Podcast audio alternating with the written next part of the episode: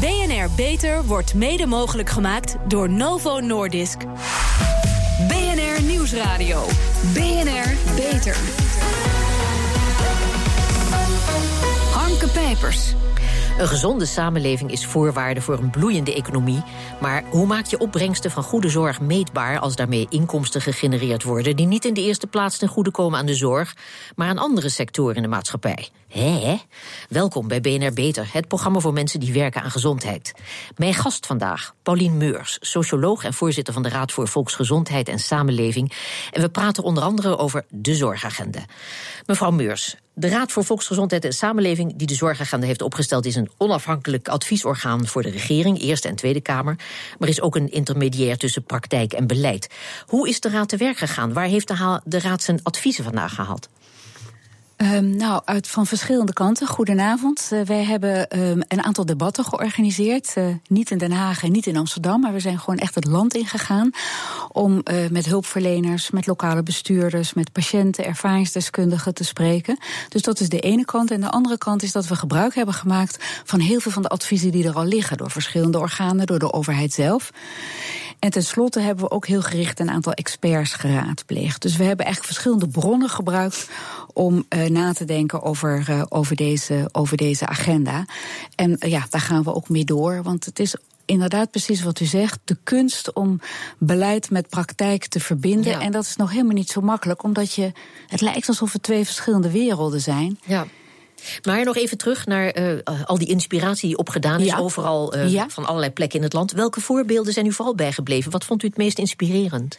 Nou, wat we onder andere gedaan hebben als raad, is dat we een dertigtal werkbezoeken hebben afgelegd.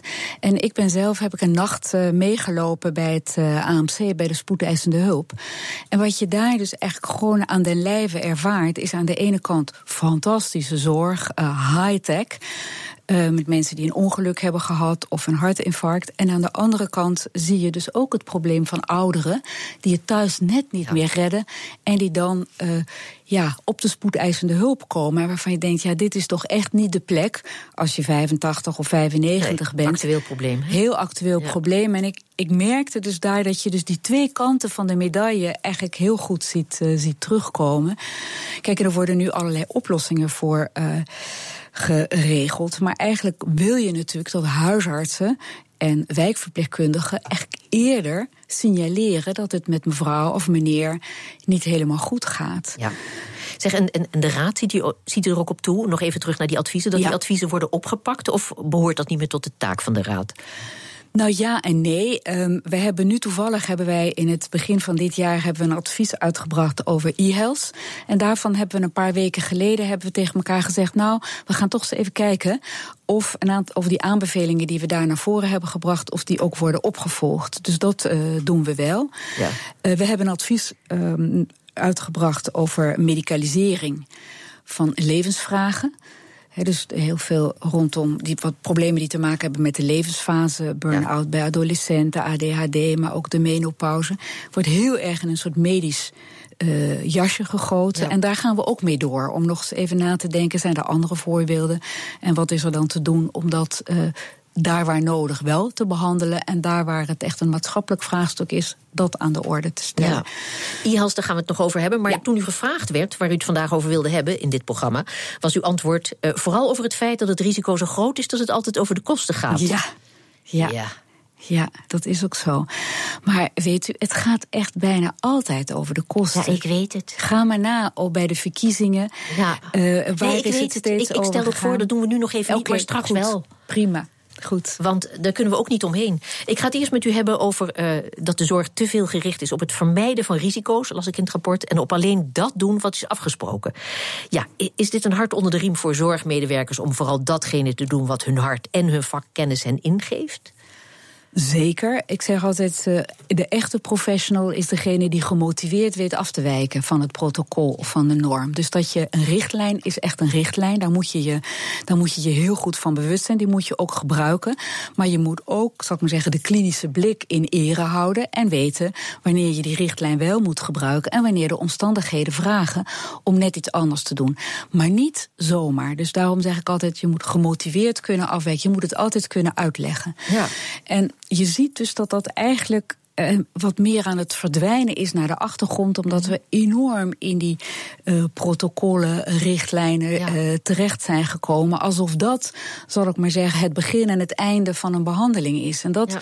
is spijtig en doet geen recht echt aan de verschillende zorgvragen van hele uiteenlopende burgers. Ja.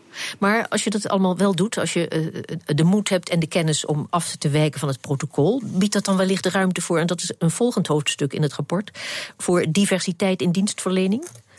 Nou, ik denk dat het eigenlijk een noodzakelijke voorwaarde is voor mhm. goede zorg. De ene persoon is de andere niet. En dat is een beetje een open deur. Maar je ziet dus dat we geneigd zijn, dat de, de, de neiging is om heel erg, wat ik dan maar noem, die dictatuur van de middelmaat op te zoeken. Dus allemaal met gemiddelden te gaan werken. En iedereen die niet helemaal in dat pulletje valt, om die er dan, uh, ja, die past er dan niet bij, dus die hoort er dan niet in. Daar hebben we ook echt heel veel voorbeelden van ja, gezien. Noem, noem zo'n voorbeeld. Nou ja, bijvoorbeeld iemand die wij gesproken hebben. En dat was echt een heel treurig voorbeeld.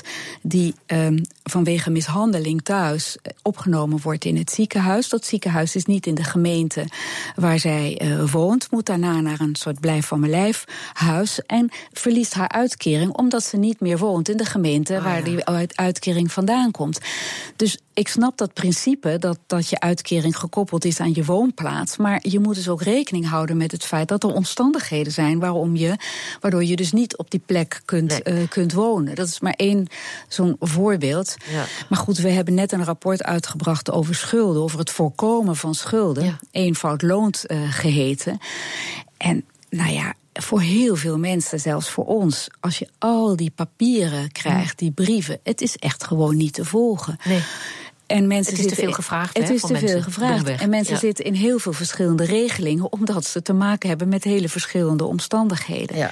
Dus maar goed, mensen in de zorg die moeten, uh, even terug naar het rapport, ook, Ja. ook bereid zijn om iets te doen, te doen wat misschien niet evidence-based is. Dat is ook weer een van de begrippen waar u zich helemaal groen en geel aan ergert, heb ik begrepen. Nou, niet, het is niet zo dat ik me hele. Nee, ik Oh, erger me niet. nuanceren. Nee, Nee, hoor, nee, nee, ik ga niet zozeer nuanceren.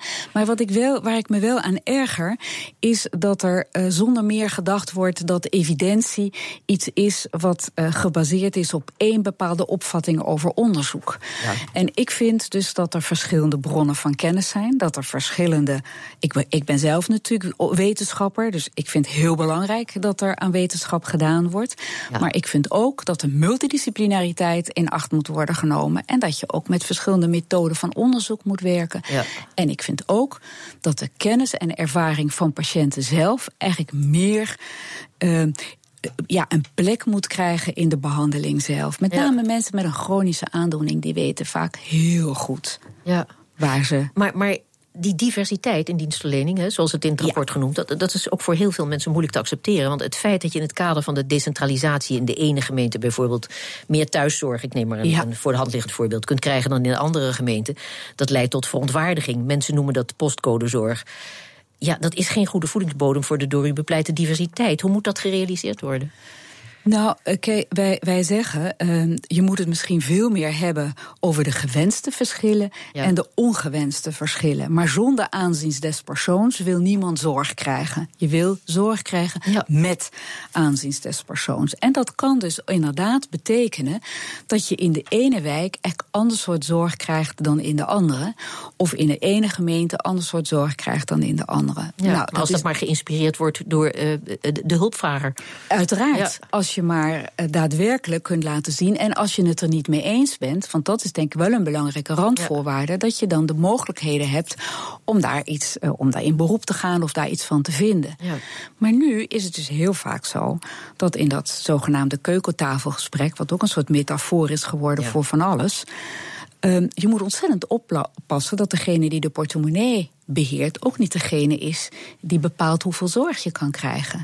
En, en daar zit volgens mij veel meer de zorg van mensen. Van, Ja. Wordt er wel echt naar mijn vragen geluisterd in plaats van uh, dat er geredeneerd wordt hoeveel geld is er eigenlijk beschikbaar. Een van de voordelen lijkt me niet alleen begrip voor elkaars uh, verschillende omstandigheden en mogelijkheden, maar ook uh, solidariteit, die vanzelfsprekend hoort te zijn. Maar die dat inmiddels niet meer is, heb ik stellig de indruk. Wat, wat is daarmee gebeurd volgens u? Um, ja, dat is wel weer een heel uh, verhaal. Maar ik denk dat een van, de, uh, een van de elementen bij die solidariteit is dat het heel erg anoniem is geworden.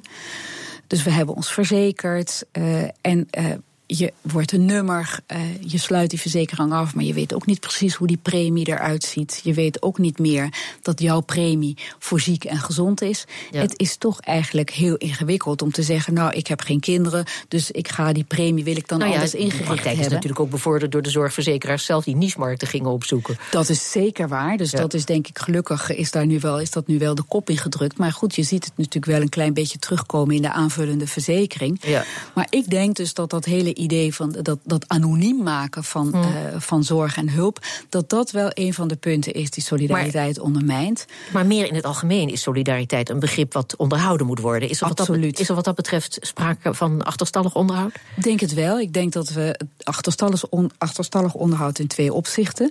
Dat we het moeten koesteren omdat ons hele stelsel daarop gebaseerd is. Uh, en het tweede is dat we ook misschien op zoek moeten gaan naar nieuwe en andere vormen van solidariteit. Je, je, krijgt, je ziet het in andere sectoren ook, het broodfonds. Er zijn natuurlijk allerlei nieuwe vormen die ontstaan. Maar ook ja. ouderen die met elkaar een coöperatie oprichten. Of ouders van kinderen met een verstandelijke beperking die zelf iets organiseren. Of in de wijk en in de buurt. De gezondheidszorg als investering in een gezonde samenleving. Dat is mooi voor wetenschappers en innovatieve bedrijven. Maar wat moet de regering daarvoor doen? Hoort u meer over na de reclame. BNR Nieuwsradio. BNR Beter. Gezondheidszorg als investering in een gezonde samenleving, dat is mooi. Maar hoe zit het met het kostenplaatje? Daarover praat ik toch verder met mijn gast Pauline Meurs, voorzitter van de Raad voor Volksgezondheid en Samenleving.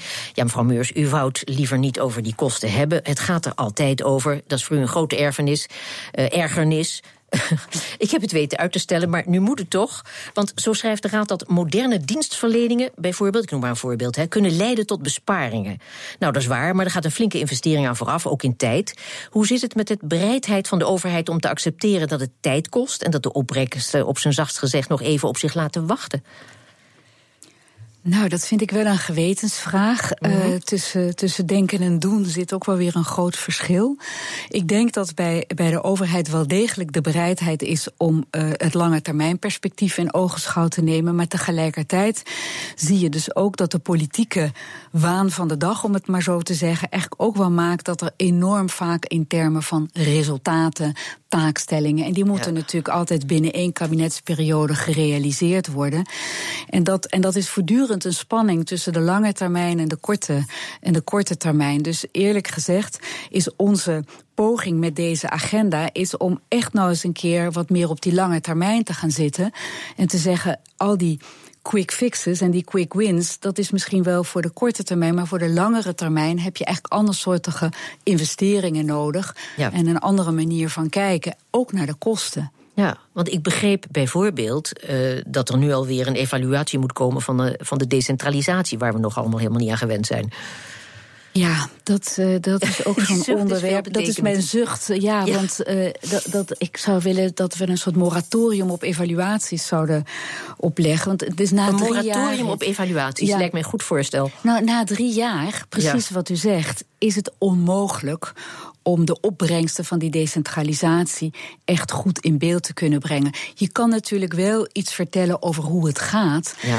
maar je moet ongelooflijk voorzichtig zijn om daar een waardeoordeel aan te verbinden. En wat ja. dus heel snel gebeurt, is dat na drie jaar vindt er een evaluatie plaats en dan wordt er dus een soort plus-min gedaan van dit gaat goed en dit gaat niet goed. Ja. En dan moet voor datgene wat niet goed gaat, moeten dan weer oplossingen gevonden worden.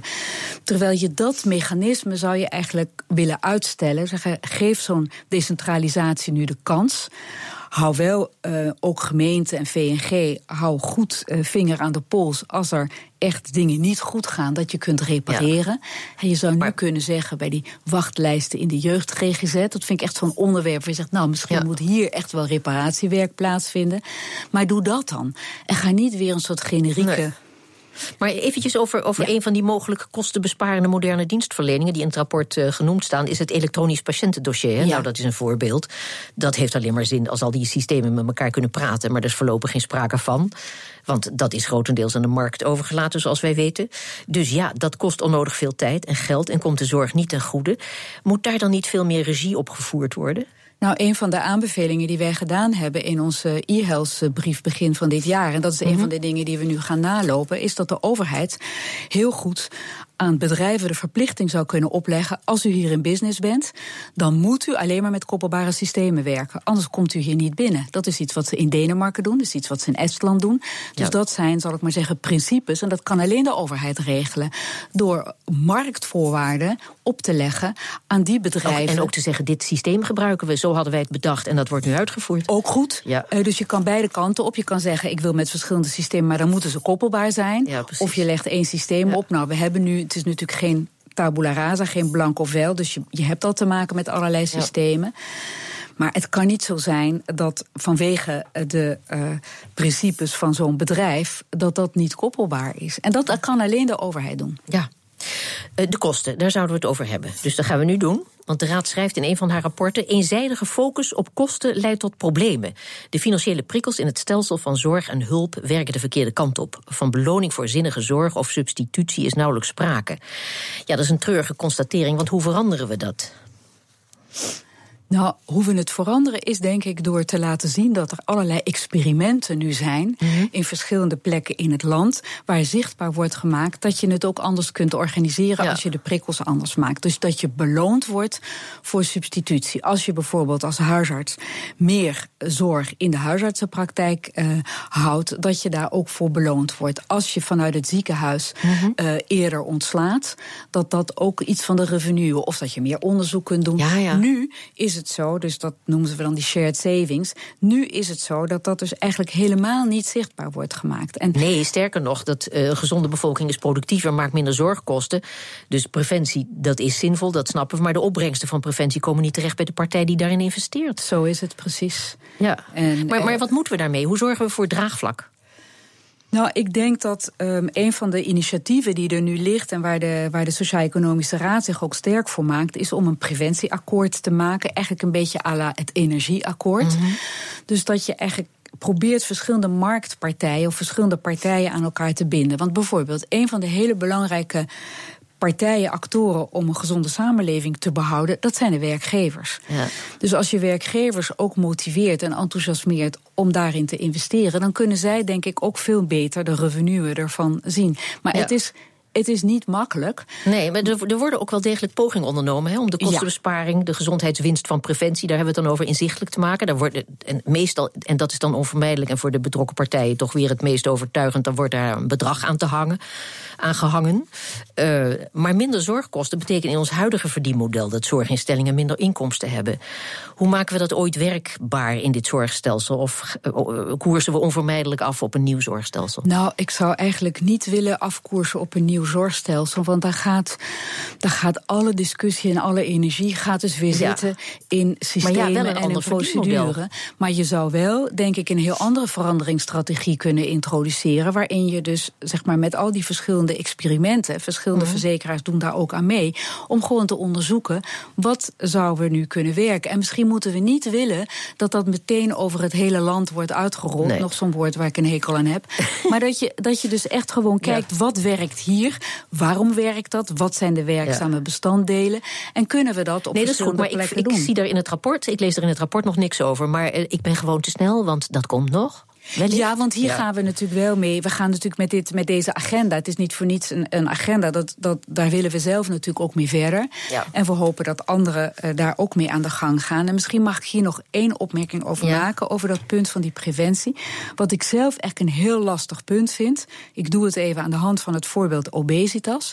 Want dat is natuurlijk ook een groot maatschappelijk vraagstuk. Dat heel makkelijk preventie geïndividualiseerd wordt. Ja. Dus uh, kinderen of jongvolwassenen moeten er gezond eten en beter bewegen. Maar heel vaak is het feit dat je overgewicht hebt, heeft natuurlijk niet alleen maar te maken met het feit dat je te veel eet, maar er speelt heel veel meer. Ja.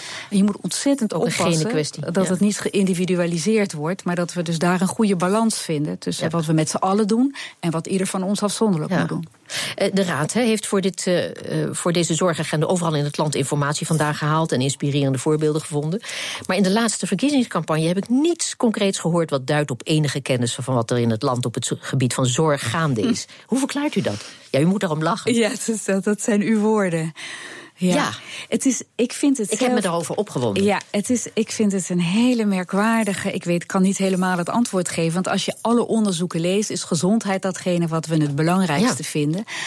Als je ziet wat het SCP uh, ons aantoont, is dat we overwegend eigenlijk heel tevreden zijn met de zorg die we krijgen. Alleen we zijn bang voor de vraag, en daar zit het eigenlijk, of we de zorg straks ook nog wel zullen krijgen. Dus het is meer um, ja. de angst voor het behoud van het goede, dan dat we nu eigenlijk heel erg ontevreden zijn. En dat wordt dan weer gekoppeld aan kosten. En een visie bieden en perspectief, dat is zo hoopgevend. Dat had zo geholpen. Had ontzettend geholpen. En misschien zit er ook iets dat we, dat we niet kunnen accepteren. Maar dat vind ik bij die discussie over de verpleeghuizen zo ingewikkeld.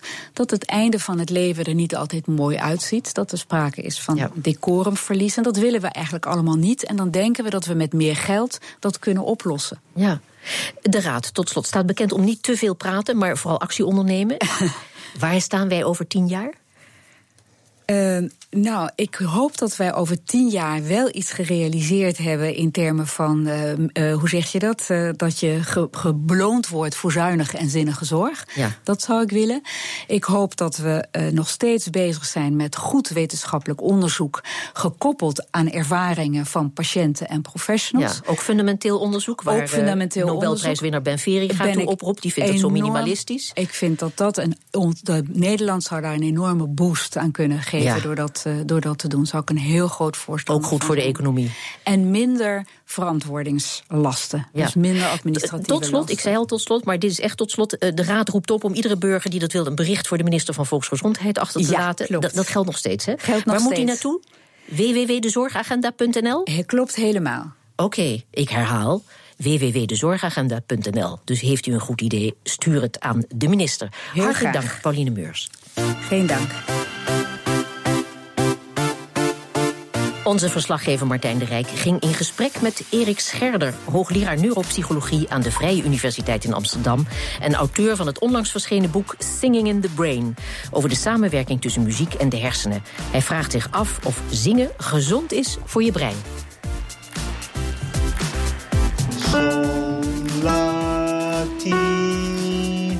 Als wij nou samen een liedje aanheffen, is dat dan uh, is dat een goed voor ons? Een goed idee. Ja, goed idee. Wat, wat, wat, zullen we doen? nou, ik ben er niet zo bij stem, maar als het, uh, het maakt eigenlijk niet eens uit dat je goed zingt. Fa, sol, la, ti, do. Oké. Okay. Een aantal dingen spelen een rol als je met elkaar zingt in een koor bijvoorbeeld of als groepje. Uh, en een daarvan is eigenlijk dat het een wederzijdse kracht oplevert. Hè. Je ziet het eigenlijk ook uh, eh, natuurlijk in allerlei uh, feestelijke omstandigheden, denk ik in stadion. Dat gejoel in het Ajax-stadion, dat is, dat is gezond voor die mens. Ja, dat is, geeft een gevoel van saamhorigheid. Je maakt oxytocine vrij. Je weet dat kunnen hormoon, zoals mensen het noemen. Ja. En die zorgt er eigenlijk voor dat je dat wederzijds gevoel krijgt van nou, met elkaar. Je ziet het ook bij die aanslagen bijvoorbeeld, hè, dat in de ja. laatste van Manchester. Ja, die vrouw in Manchester die dat lied begint te zingen op dat plein. En iedereen die gaat mee. Wauw. Ja, ja. kippenvel dat, sowieso. Ja, kippenvel. En, ja. maar het is ook in de literatuur, dus het is helemaal niet mijn mening. Het is echt gewoon in de literatuur goed beschreven. Dat, ja. uh, dat, uh, dat die stofjes vrijkomen, dat is één. En twee, dat je ook gaat synchroniseren. Je wil het ook echt met elkaar doen, goed doen. Je ziet bijvoorbeeld ook heel mooi uh, koren waarin kankerpatiënten deelnemen. Een beetje controle of zo. Uh, ja, ook. een beetje ja. weer gewoon ja. dat je niet denkt, ik onderga van alles. Hè. Chemo, weet ik van wat, denk het maar. Nou, klassieke muziek, dat wordt ook vaak gezegd, dat, dat werkt nog eens extra. Nou, ik heb daar persoonlijk niet zo heel veel mee, dus uh, wat, wat mis ik? Nou, niks, want uh, de studies die ik ken, en ik, ik heb er veel werk aan gedaan, zoals u misschien weet, met Singing in the Brain. Mm -hmm. uh, met het laatste boek. En, en uh, dat blijkt eigenlijk dat, het, dat jouw hersenactiviteit wordt bepaald door de muziek waar je van houdt. Ik hou wel van wat ruigs. Dat, dat kan dus gewoon. Ja.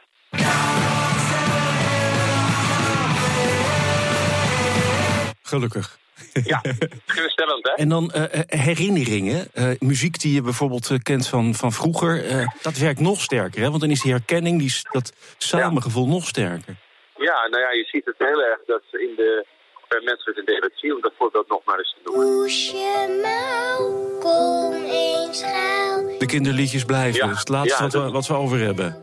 Ja, dus dat is zo fors in dat brein ingebed dat het zelfs nog ook het laatst nog aanwezig is. Dus lekker meezingen, dat is gewoon gezond voor lichaam en geest. Eh, het is, dat zingen met elkaar is echt een goed ding.